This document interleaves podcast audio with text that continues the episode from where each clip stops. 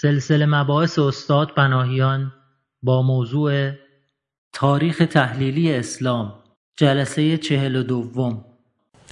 بسم الله الرحمن الرحیم الحمد لله رب العالمین و صلی الله علی سیدنا و حبیبنا ابی القاسم المصطفى محمد.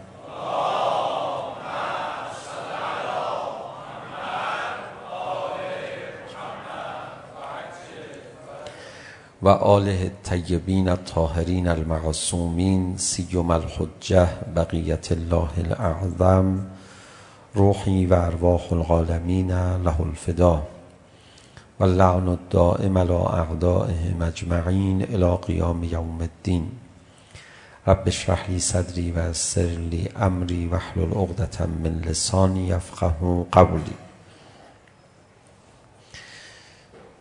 بنده اجازه بدید امشب به جای سخنرانی کردن تقاضایی بکنم از دوستان که بیاید یک شرکت تعاونی تشکیل بدیم. نمیدونم.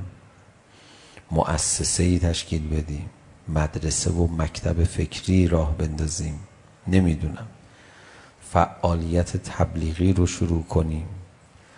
نمیدونم چه تعبیری به کار ببرم. برای اینکه یک اتهام بزرگ تاریخی که به دین نسبت داده میشه رو بیاد برطرف کنیم. کار میخواد. باید اقدامات فوق العاده استراتژیک در این باره انجام بگیره.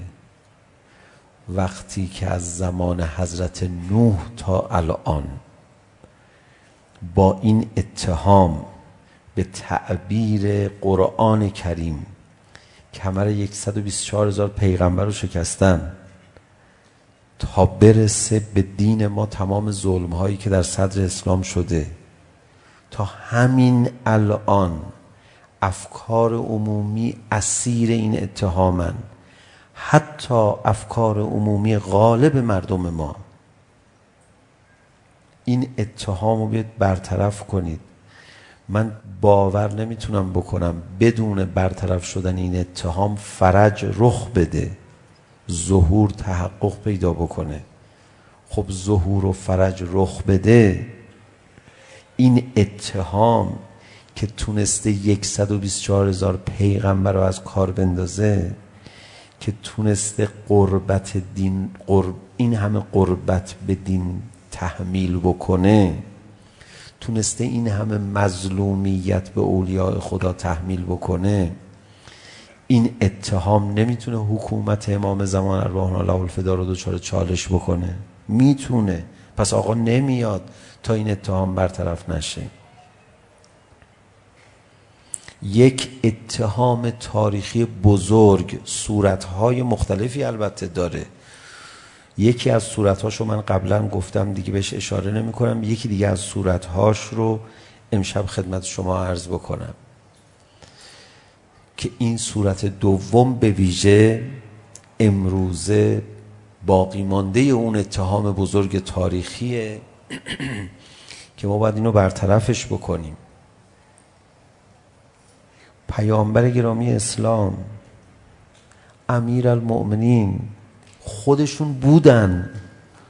رفتارشون رو مردم میدیدن.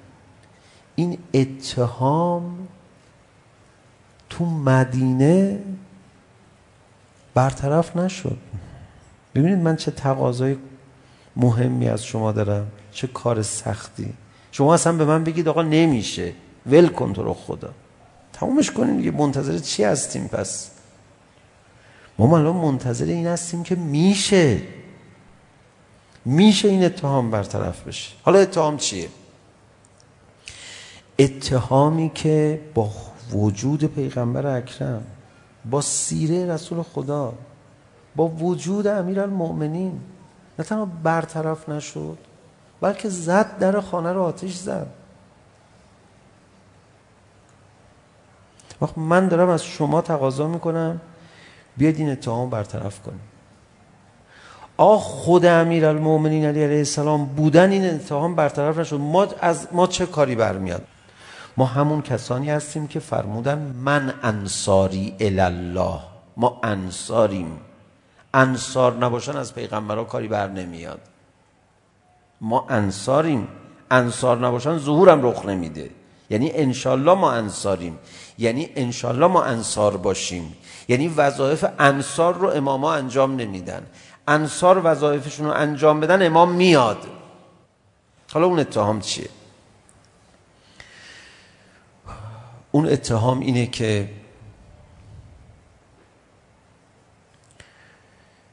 دین میخواد به انسانها زور بگه.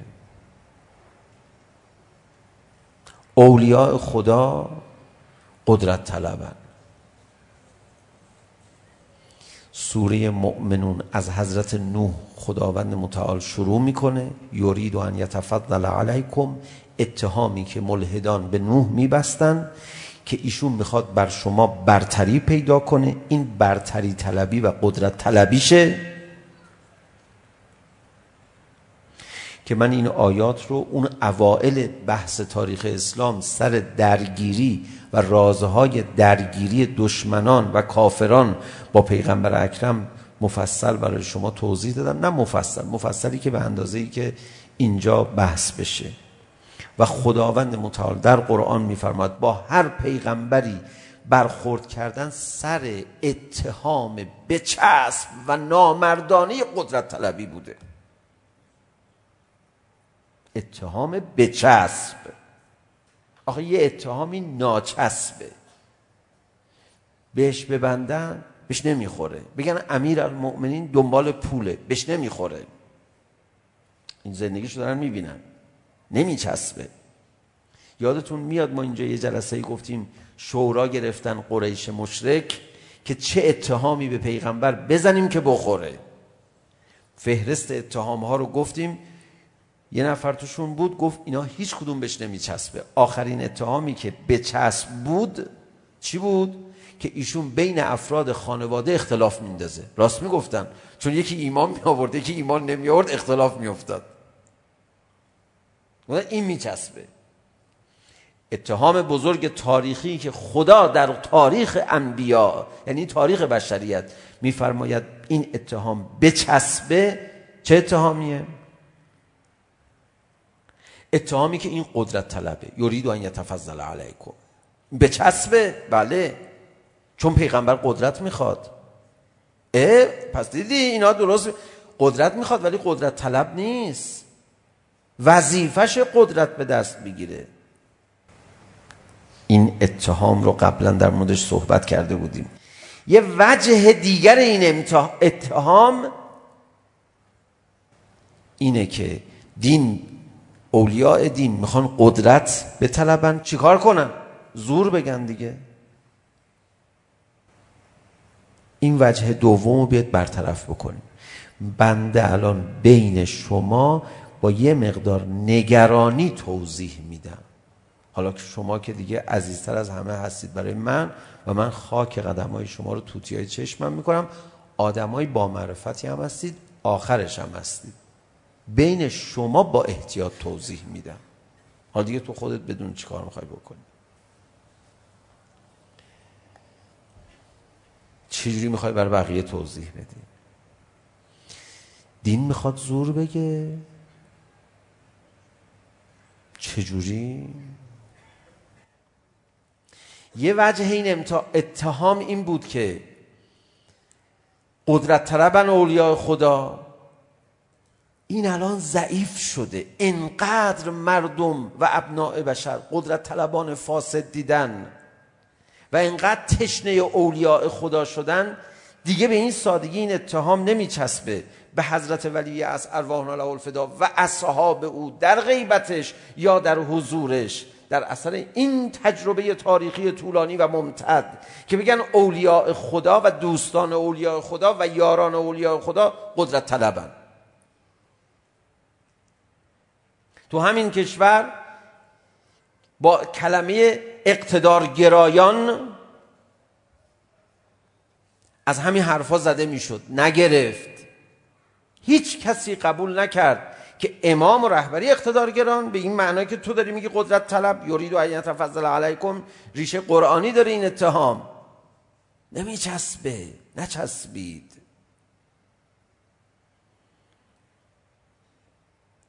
ولی وجه دیگر اتهام باقی مونده. وجه دیگر اتهام چیه؟ دین میخواد به ما زور بگه. دین کجا میخواد به ما زور بگه؟ کجا؟ دین کجا زور میگه؟ سر چی زور میگه؟ کسی رو زور میکنه نماز بخونه. کسی رو زور میکنه. تو چی دین زور میگه؟ بله مثلا دین نباشم ما چرا قرمز پلیس میاد جلومون میگیره؟ بله شهر به هم میریزه.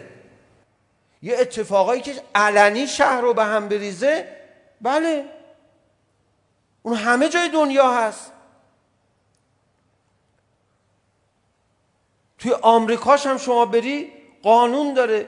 عرق فروشی باید این مقدار فاصله داشته باشه با مسجد و معبد و کلیسا و کنیسه و اینا. تو بعضی از ایالت های آمریکا قانون گذاشتن نمیشه چون مسجد قدرت رقابت نداره با عرق فروشی.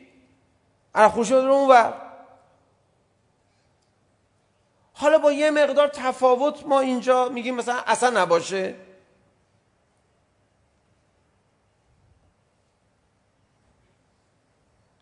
حتی معلوم نیست از نظر شرعی شما اجازه داشته باشی. آقا من رفتم سر یخچال فلانی دیدم که عرق تو خب تو بیجا میکنی بری جایی بگی. از چل تا گناه کبیره بدتره این کار تو. عرق خورده زنا که نکرده تو کار بدتر از زنا کردی رفتی خبر دادی. دین زور میگه. دین سر چه گناهی با آدم ها دعوا داره؟ هیچ گناهی. با سر به هم ریختن جامعه دعوا داره که همه جای دنیا است الان تو بعضی از بارم ایالت های آمریکا رو میگم دیگه چی مثال بزنم دنیای کفر مثال بزنم خوبه کسی دائم الخمر باشه باید شیشه شرابی که دستش میگیره علنی دستش نگیره تو خیابون را بره تو پاکت باید بذاره تو مشمای مشکی همه جای دنیا اینجوری هست محدودیت هایی برای همین حدود سه هفته پیش توی لندن یه تئاتری بود. ضمن این بازی که داشتن میکردن یه دفعه نمیدونم تو برنامهشون بود که یه خانومی اوریان بشه. تمام سالن انقدر هو کردن ناراحت شدن متنفر شدن تئاتر به هم خورد. طرفم رسما اعلام کرد عذرخواهی کرد کارگردان. گفت ما فکر نمی‌کنیم مردم اینجوری عکس عمل نشون بدن. ما می‌خواستیم با اوریان شدن او شدت مثلا تو اون داستان ستمی که به اون زن شده رو نشون بدیم اصلا کار جنسی هم نمی‌خواستم بکنم همه جا این هست ادعای دینم ندارن خب بالاخره انسان با حیوان فرقش یکی است فرقش تو لباس دیگه حیوان لباس نداره انسان لباس داره این ربطی به دین نداره اینا زیاد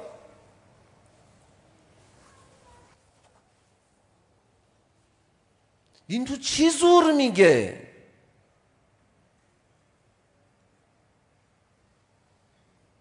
인투 치수름이게. 닌 سر چی دعوا داره سر هیچی شما شاهد بودید ما صحبت کردیم سر اینکه پیامبر گرامی اسلام توی مقطعی به بعضی از اقوام میگفتن آقا بیاید قرار بذاریم از من دفاع کنید من قول میدم با عقاید شما کار نداشته باشم با رفتار شما هم کار نداشته باشیم من نه به شما خواهم گفت نماز بخونید نه به شما خواهم گفت بیت معتقد بشید به خدا.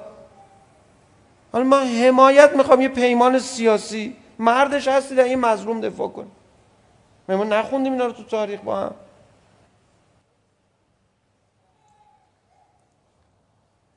دین دنبال چیه؟ اتهام تاریخی بزرگی که میزنن برای تضعیف دین اینه که دین میخواد خودش رو به زور تحمیل کنه. دروغ بزرگه. این اتهام فرج رو به تأخیر انداخته 1400 ساله. این اتهام کمر پیغمبرا رو شکسته. تو قرآن برید ببینید تحلیل بنده نیست. این اتهام برطرف کنید. دین سر یه موضوع فقط دعوا داره. اونم تازه اگه شرایطش باشه. سر چی؟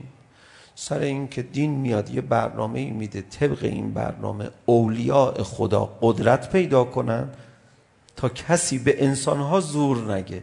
خودش نمیگه میگه کسی هم زور نگه. تمام جنگ ها سر اینه. تیکه تیکه کردن ابا عبدالله حسین و اصحابش سر همین حرف.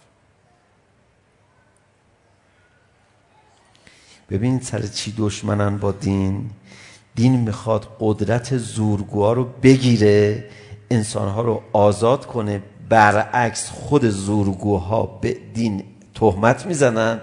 میگن دین میخواد به شما زور بگه ما میخوایم شما رو آزاد کنیم. اینه.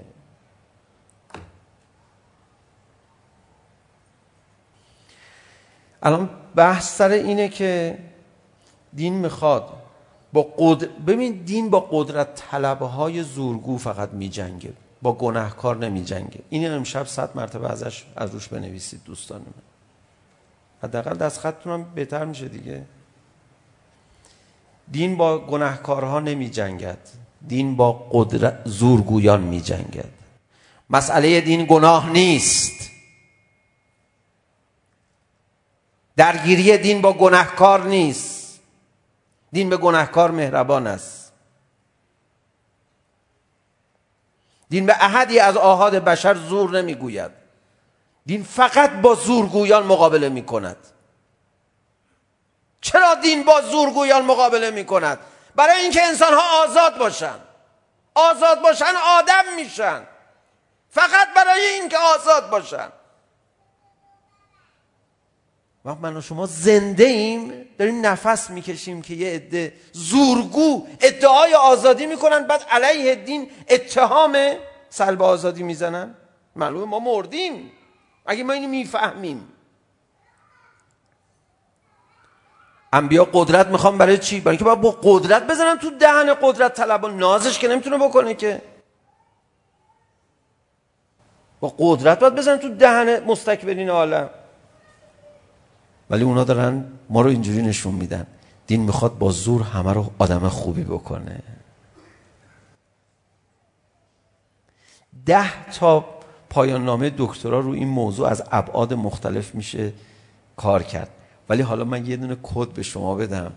هر ده تای اونا رو پاسخ بده. فاطمه زهرا سلام الله علیها. دیگه نمیتونه بره بیرون. از بس در اوج جراحت و ضعف قرار گرفتن. نفسهای آخر زنهای مدینه اومدن ایادت. حضرت اونجا پرسیدن حال شما چطور خانم؟ فرمود حالم بد از دست شما و مردان شما.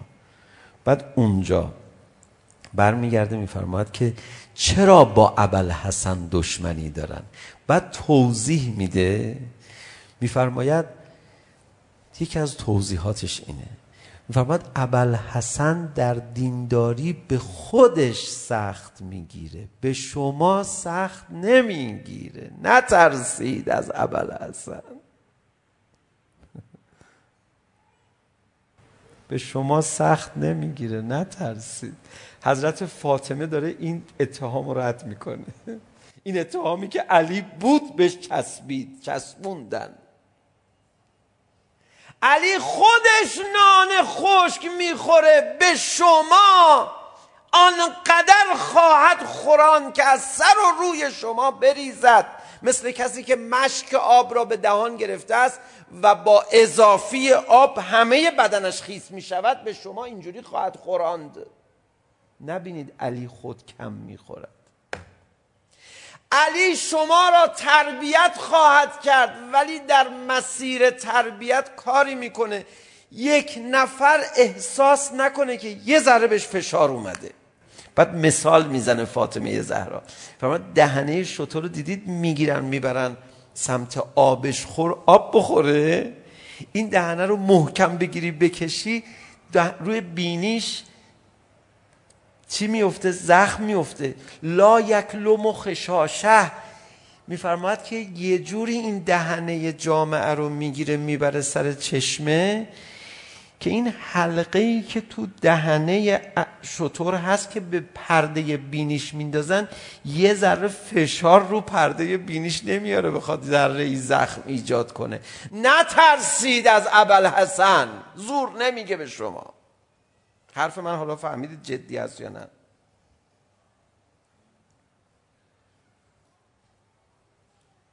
میدونید از ترس این که مبادا حسین مانند علی بشود حسین را کشتن دوباره حکومت حسین میخواد برگردد برویم او را بکشیم بخشی از مردم این ترس را داشتن بابا نامردا امیر المومنین به کدومتون زور گفت؟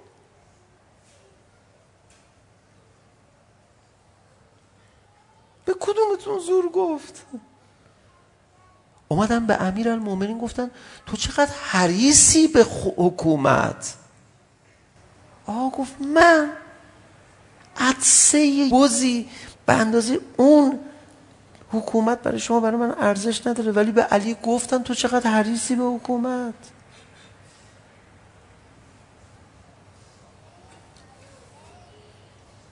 علی برای چی جنگید؟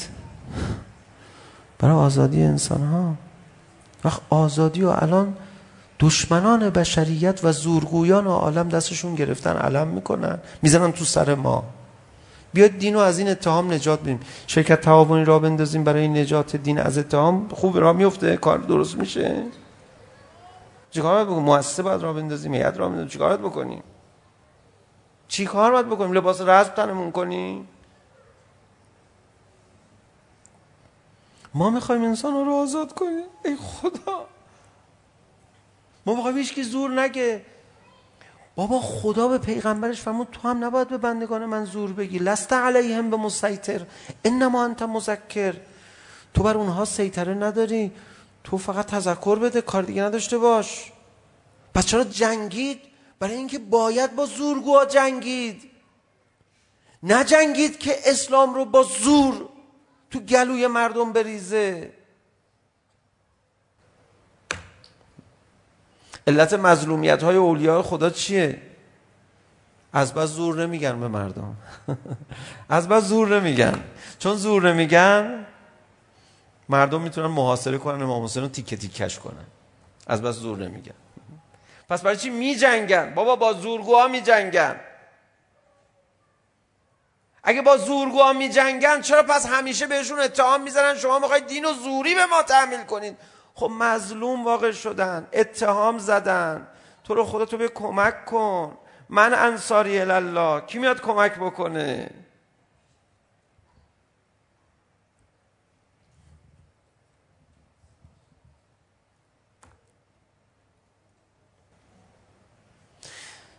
زورگوها چجوری حاکم میشن بر بشریت آقا پس برگردیم اون کلمه ای که باید صد مرتبه بنویسیم جملاتش این کمی بهتر کنیم ببینیم درست میشه. مشکل دین یا گناهکارها مشکل دین نیستن. حتی کافران مشکلی برای دین به حساب نمی آیند در زمان حضرت هم میدونید دیگه جمله درست نشد بازم. در زمان حضرت هم میدونید بعضیا مسلمان نمیشن. باشه نشو. کسی به زور نمیگه. بعد جنگ چیه؟ مشکل سر چیه؟ دین مشکلش کجاست؟ گناهکاران و کافران مشکل دین نیستن. مشکل دین فقط زورگویانن. یه جمله جمله دیگه دین برای دیندار شدن به کسی زور نمیگوید دین قدرت تولید میکند فقط برای مقابله با زورگویان بغیر کاری نداره کاری نداره بغیر جمله بعدی. دین برای اطلاع انسان ها مثل بهار عمل می کند بهار به درختان زور نمی گوید که درختان میوه بدهند. شکوفه بدهند. بهار هوا را عوض می کند ابر بارانزا می آورد لطیفتر از بهار در عالم نیست. باشد خود پیامبران الهی هستند خود دین است. که واقعا لطیف داره.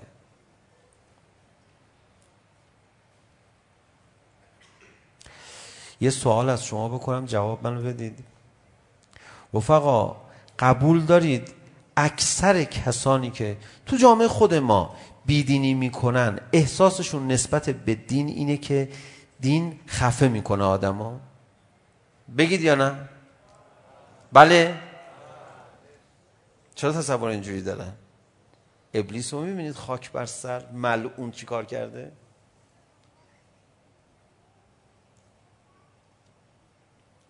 و بعد طبیعتا دیندارا رو که میبینن به عنوان عوامل خفه کننده تلقی میکنن اینا رو دیگه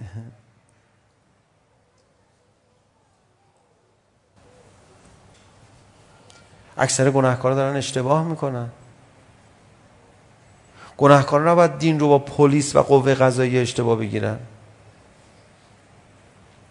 دین پنهان کننده عیوب مردمه. دیندارا ستار العیوبن اصلا یه کاری میکنن مردم خودشون برن به سمت دین. نه با تبلیغات اقواگرانه جاش نیست الان صحبت بکنیم. دین حتی اجازه نمیده شما به نفع خدا مردم رو فریب بدید. میدونید یعنی چی این حرف یعنی اینکه اگه شما بخوای یه فیلمی برای حجاب درست بکنی بعد بخوای یه کاراکتر بسیار زیبا و جذاب انتخاب بکنی دل همه رو ببره بعد اینو چادر رو سرش بکنی بگی اینجوری من چادر رو جا میندازم برای همین این روش ها رو دین میدونید نمیپسنده نه اقوا فریب ما قبول نداریم به نفع خدا هم اقوا و فریب نداریم آیه قرآنش هست بحثش رو یه جای دیگه من مفصل کردم دین حتی میگه تو حق نداری یه جوری تبلیغات بکنی که طرف بی اراده بیاد سمت دین باید با آگاهی با اراده حتی تبلیغ مگه ما مثل غربیاییم که با تبلیغات اقواگرانه مردم رو خام کنیم ببریم سراغ بیدینی قرآن خودش هم این کارو نمیکنه تشویق و تنبیه کنار هم دیگه داره تنبیهاشم فدا بشم فداش بشم اکثرا انداخته قیامت. تو دنیا هم یه جوری ناملموس تنبیه ها رو نشون میده زور به کسی گفته نشه. دین یعنی این. اون گرانیگاه اصلی توی بحث بنده برای اصلاح ذهنیت توده مردم ما کجا بود؟ مشکل دین گناهکارا نیستن ها. مشکل دین چیان؟ زورگوها. مسئله دین چیه بفرمایید مسئله و مشکل دین که سرش درگیر میشه دست به اسلحه میبره سر چیه بگید فقط درگیری با زورگویان عالم زورگویان عالم و برداشت خودش زور میگه نه والله خودش چیکار میکنه دین دو تا حرف داره میگه یک زورگویان رو بردارن 50 درصد مردم خود به خود درست شدن اصلا هیچ کاری نمیخواد بکنی نه تلویزیون میخواد نه تبلیغ میخواد هیچی هیچی. 50 درصد خودشون درست شدن. چون 50 درصد این ایرادهایی که تو مردم ابناء بشر شما میبینید مال زوریه که تو عالم هست از نظر از جهت تواقیت. ببینید میپرسن که کشور ما که جمهوری اسلامیه؟ کشور ما که جمهوری اسلامیه؟ خب الان که زور نمیگید که شما. خب بعد کو بچه 50 درصد مردم مثل آب خوردن دیندار نشدن؟ دیگه هر نادانی میفهمه که 35 سال با این کشور تمام قدرت ها دارن دشمنی میکنن. اگه این دشمنی ها نبود همون جنگ 8 ساله نبود این همه تحریم ها نبود که شاید 20 درصدش مربوط به هسته ای باشه. این همه کار شکنی ها نبود با همین نظام جمهوری با همین مسئولین ما که ممکنه خیلی هاشون انتقاد داشته باشیم. ما الان صد پله جلوتر نبودیم. تواقی تو عالم نبودن. تواقی تو عالم نبودن. همین تا قبل از اینکه جمهوری اسلامی انقلاب اسلامی پیروز بشه دبی کجا بود؟ کسی کلاهش میافتاد اونجا کلاه قیمتی جدا در جد از زمان هخامنشیان نسل به نسلش رسیده. نمیرفت ور داره. برم اونجا. برم اونجا. بعد بوی بد میگیرم. بعد که اینجا اینجوری شد برای اینکه فشارهای اقتصادی در اطراف ما بیارن از جذب بازار و پول و سرمایه و اینا رو که همه میفهمن که. بعضی در اطراف ما آباد شدن صدقه سر دشمنی که دشمنان ما با ما داشتن. اونا کی حاضر بودن؟ به عربستان پتروشیمی بدن. بعد ما اینجا پتروشیمی میریم به سمتش. ده تا کارخونه پتروشیمی با کمک قدرت ها در اطراف کشور ما درست میشه. هر کی میخواد با ما تجارت بکنه بیا با اونا تجارت کن.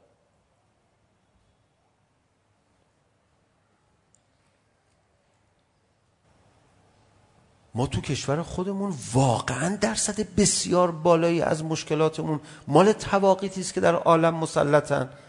ولا هر نادانی میدونه که اگر همین تواقیت زورگوی مسلط بر عالم نبودن ما با همین وضع خودمون تا حالا چقدر جلوتر بودیم؟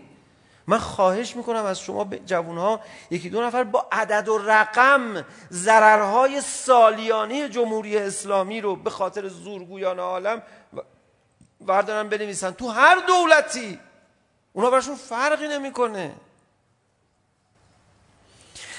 بحث رو جمع بکنم یکی دو تا آیه قرآن براتون بخونم. یک اتهام تاریخی هست که دین زور میگوید. و اولیاء دین قدرت طلبن. این اتهام تاریخی را خدا در قرآن ذکر کرده است. و فاطمه زهرا سلام الله علیها در خطبه شریف خودشون ذکر کردن. دین اصلا زور نمیگوید. نتیجه این اتهام این است که خیلی ها فکر میکنن دین میخواهد با زور مردم را مسلمان کنند شما بگویید به قرآن قسم و به کلمات اولیاء خدا قسم این گونه نیست. خدا شاهد اکثر گناهکارها همین الان همین جوری تصور دارن مگر گناهکارایی که دین رو دوست دارن و گناهکارایی که اولیاء دین رو هم دوست دارن گناهکار دمش کرد میره حرم امام رضا میگه آقا گناهکارم به کسی چه ربطی داره تو منو ببخش میدونه آقاش بهش مهربونه این گناهکارها براشون رفع اتهام شده گناهکار برای فرج حضرت دعا میکنه حجابش رعایت نمیکنه شب قدر اشک میریزه برای فرج. شاید گوشه دلش میگه آقا بیاد من درست میشم. به عشق آقا. انرژی بهم میده ایمان بهم میده. از اسارت خیلی از گناه ها منو نجات میده. شاید تو دلش اینو میگه. یه کاری بکنید. مجالس توبه مجالس دعا مجالس معنوی. مال فقط آدمای دیندار نیست. دیندارها غلط جا نندازن دین رو برای بیدینا. بیدینا باید بیان. اتفاقا تو باید به اون التماس تو هم بگی. چون اون برای خودش عجبم نداره دیگه. قیافه هم که نمیگیره که. میگه خدای ما هیچی نداریم. با ولی تو میگی خدای ما البته نمازا رو که در جریان هستید. یه تا صبح ناله بزن. کی به تو نگاه میکنه؟ اون خدا بهش نگاه میکنه. میگه ما که هیچی نداریم. همینو میخواستم. شما هیچ وقت نمیتونی بگی ما هیچی نداریم. بذار چهار تا گناهکار با خودت بیاد بعد بهش بگو التماس دامنم دعا کن. مشکل دین گناهکارا نیستن. مشکل دین زورگویان عالم هستن. توضیح بیشتر ندم. یه نمونه رو برای شما بگم. پیامبر اکرم فرمود ان الله بعثنی. ان اقتل جمیع ملوک دنیا خدا منو مبعوث کرده بکشم تمام زورگویان عالم را. نذاشتم. نذاشتم. نذاشتم. بکشم نه تمام گناهکارا را. نه تمام کافرا را. داعشی ها داره چیکار میکنن؟ یه هرکی کافره بکشیم. به آیه قرآن هم استناد میکنن در حالی که تو قرآن کدوم کافرها رو میگه بکش اونی که داره تو رو میکشه تازه اونم شرایط داره اوه مراحل داره نه اینجوری اونا برای اینکه ما رو خراب کنن داعشی ها رو درست کردن بعد فرمود که و اجر الملک الیکم لا اله فرمود من میخوام پادشاهی رو بدم به شما مردم. من میخوام شما رو پادشاه بکنم. نه من خودم پادشاه بشم. میخوام شما این بازی رو ببرید. پیغمبر داور ولایتش هم برای اینه که قدرتش هم برای اینه که حکومتش هم برای اینه که بتونه حکومت بده به مردم. ای پیغمبر مظلوم ما. فعجیبونی الى ما ادعوکم الیه جواب بدید به دعوت من. تملکو به العرب و تدین لکم به العجم و تکون ملوکن فی الجنه همه عالم رو حاکم میشید. در قیامت هم پادشاهی میکنید. حالا در مورد بهشت. باید یه وقت دیگه صحبت کرد جوابش چی بود؟ حرف این قشنگی مریض دیگه مریض ابو جهل بدبخت مریض دیگه فقال ابو جهل ابو جهل برگشت گفت اللهم ان کانا ان کان هذا الذي یقوله اگر این چیزی که پیغمبر بر میگه حقه باران عذاب تو به ما بفرست. ما رو نابود کن. از بس ما کفرمون در میاد از حرف این. آقا آقا بر چی آخه مرض داری مگه تو؟ چی میخوای مگه از دنیا؟ پادشاهی خب بیا داره بهت میده. وقت آیه قرآن نازل شد. اذ قالوا اللهم ان كان هذا هو الحق من عندك فامطر علينا حجاره من السماء او اتنا بعذاب اليم خدایا سنگ از آسمون سر ما ببار. یا عذاب علیم به ما بده اگه حرف این حقه. بدبخت رو نگاه کن. خب چی شد بعدش؟ با عذاب اومد؟ عذاب نیومد. چرا؟ چون تا اون بدبخت این حرفو زد بلافاصله پیغمبر اکرم فرمود غفرانک اللهم خدا ببخش. خدا ببخش بعدم آیه بعدی نازل میشه میفرماد که پیغمبر ما که تو تو اینا هستی که اینا رو عذاب نمی کنیم از بس تو مهربونی. اینقدر پر رو وایساده جلو خدا میگه عذابم کن. اگه پیغمبر نبود عذابش میکرد خدا. این همه این همه آدم بدبخت میشه. پیغمبر اکرم فرمود بابا من من که نمیخوام شما رو بکشم. من میخوام تواقی تو بکشم. بعد شما آزاد میشید شما خودتون پادشاه میشید. همه جهان در اختیار دین شما قرار میگیره. همه آزاد میشن. این اتهام تاریخی دین هنوز برطرف نشده. هنوز تو شهر شما فکر میکنن دین آدمو خفه میکنه. دین آدمو آزاد میکنه. بسیاری از غرب زده ها سوء تفاهم براشون شده. دین آدمو آزاد میکنه. تو دانشگاه تورنتو با جمع ضد انقلاب نیمه تمام مون داره خدا شاهد براشون صحبت کردم گفتم اولش به من توهین میکنن شاید وقتش شده باشه من این نوارش رو پخش کنن. نمیدونم. اولش توهین میکردن. چون من آخوندم و مثلا طرفدار جمهوری اسلامی هم و اینا. اصلا راه نمیدادن ما رو تو خودشون. بعد بهشون کار به جایی رسید بهشون گفتم ولایت میاد شما رو مردم مغرب زمین رو آمریکایی‌ها و کانادایی‌ها رو آزاد میکنه. با سکوت به من نگاه میکردن. یکی از ضد انقلابات تو جلسه برگشت برگشت گفت شما معنای تازه از ولایت گفتید. گفتم بابا همینه. یعنی اونا قبول داشتن در غرب آزادی نیست. و ادعای بنده رو لااقل شنیدم. من نمیگم حرف منو قبول کردن. ادعای منو شنیدن که اون مقدار سلب آزادی که براشون توضیح دادم تو غرب نیست خودشون قبول داشتن گفتم اون مقدار رو هم ولایت باید بیاد آزاد کنه. ولایت اصلا کارکردش اینه که میذاره آدما خودشون باشن. کسی بر اینها سلطه پیدا نکنه. ولایت مثل داوری است که کسی خطا بکنه با کارت قرمز رو از زمین بیرون میکنه. نباید به این داور گفت جلاد. نه این کار باید این کارو بکنی از داوری میفته باید این کارو بکنی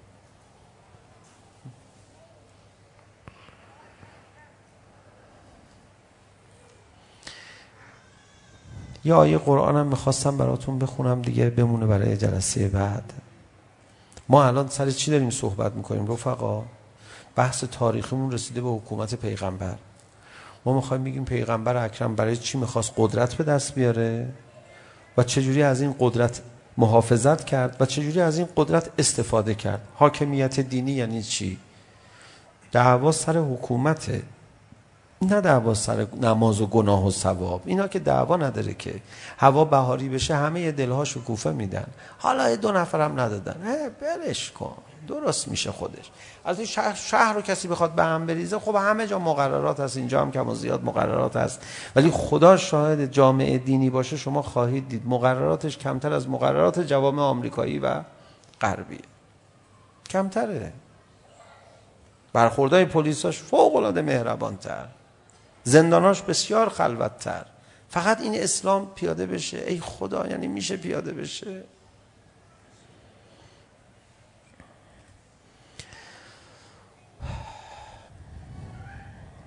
ابا عبدالله الحسین شب آشورا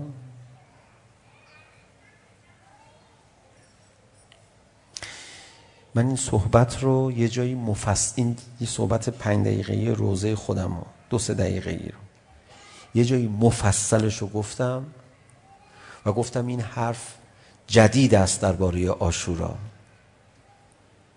نمیگم تو چه مجلسی شخصیت بزرگوار عالم تاریخی و فرهیخته که تو جلسه بودن. انتظار داشتم بعد از جلسه بفرماد آیا این حرف من جدید بود یا نبود. بعد از جلسه فرمودن همون طوری که گفتی این حرف جدید بود. تا حالا کسی این نگفته بود. من اون حرف الان دارم برای شما با من روزه میگم. یه شب آشورا بود گفتم.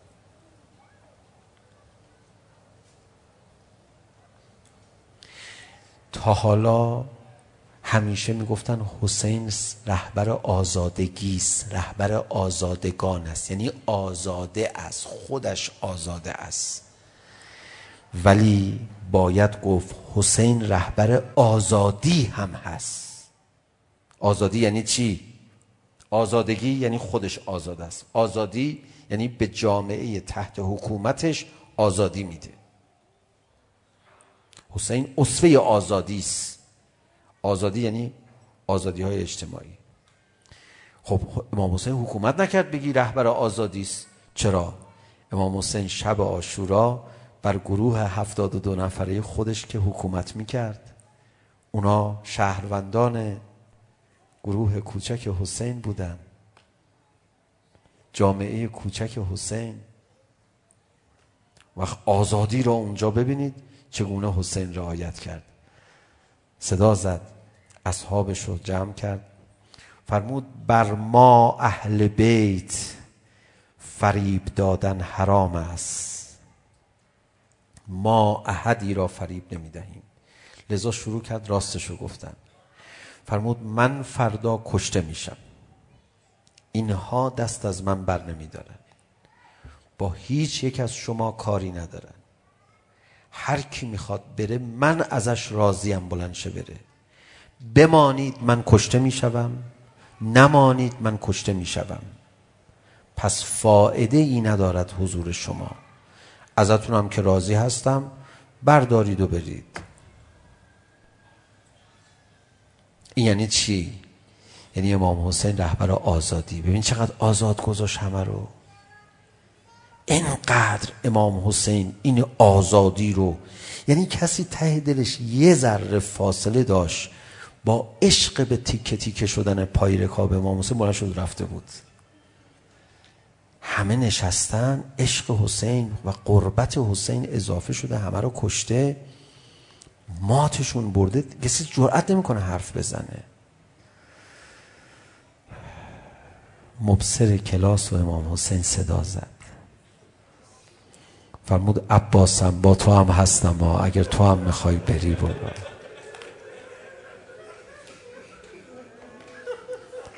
یه تیر سه شعبه حسین زد در عالم عاشق یه شعبه این تیر این بود که همه حساب کار خودشونو بکنن حسین داره جدی حرف میزنه تعارف نداره وقتی به عباسش میگه برو شما حساب کار خودتون رو بکنید یه تیر یه شعبه دیگه این تیر به قلب عباس بود که عباس هم تو یه حرفی بزن تا اینا یاد بگیرن چی باید بگن یه تیر دیگه هم یه شعبه دیگه این تیر هم این بود که حسین شدت قربت خودش رو اونجا اعلام کرد اینا هلاک شدن. یه دفعه حسین اونجا تنهایی گودی قتلگاهش رو به همه نشون داد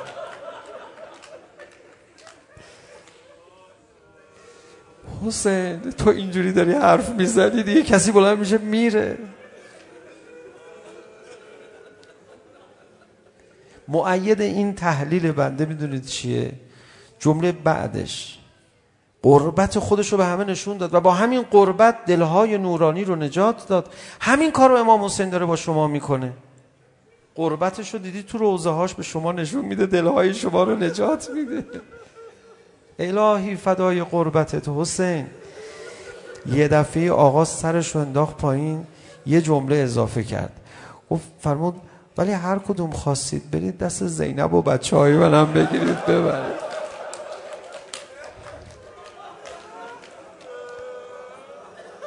لا اله الا الله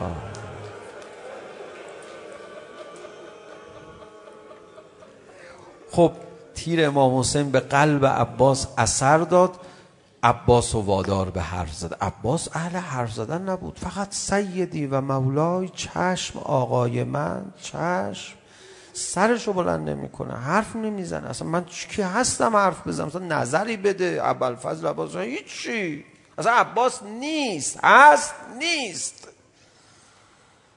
ولی اینجا دیگه امام حسین دوست داره عباس هم آخه تو هم یه کلمه حرف بزن فدای حرف زدنت بشم که از همه با معرفت تری ولی از همه ساکت تر عباس صدای قشنگش تو خیمه بخش پخش شد برگشت گفت آقا ما بعد تو زنده بمانیم نفس بکشه انگار نطق همه رو باز کرد الهی که نطق همتون رو امشب عباس باز کنه بازم این حرف بی پایه و اساس نیست روزم رو خوندم یه توضیح بدم امشب متوسل به قمر بنی هاشم عبل فضل عباس بشید همه چی بهتون میدن مرحوم قاضی حدود چهل سال ریاضت معنوی کشیده بود حدود چهل سال. رفت کنار حرم ابوالفضل عباس زیارت کرد. اومد بیرون. تو نه اینکه اون موقع فقط بره قبل از اونم میرفت. دلش شکسته بود. داشت بین الحرمین راه میرفت. مرحوم قاضی تباتبایی استاد از تایت الله العظما بهجت و خیلی بزرگان. داشت راه میرفت. تو دلش دیگه دلش شکست بعد از چهل سال ریاضت معنوی.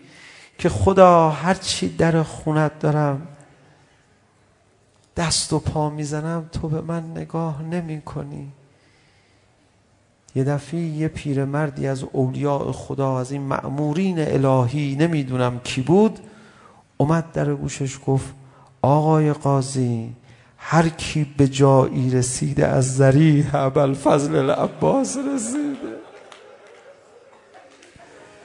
میگه آقای قاضی برگشت.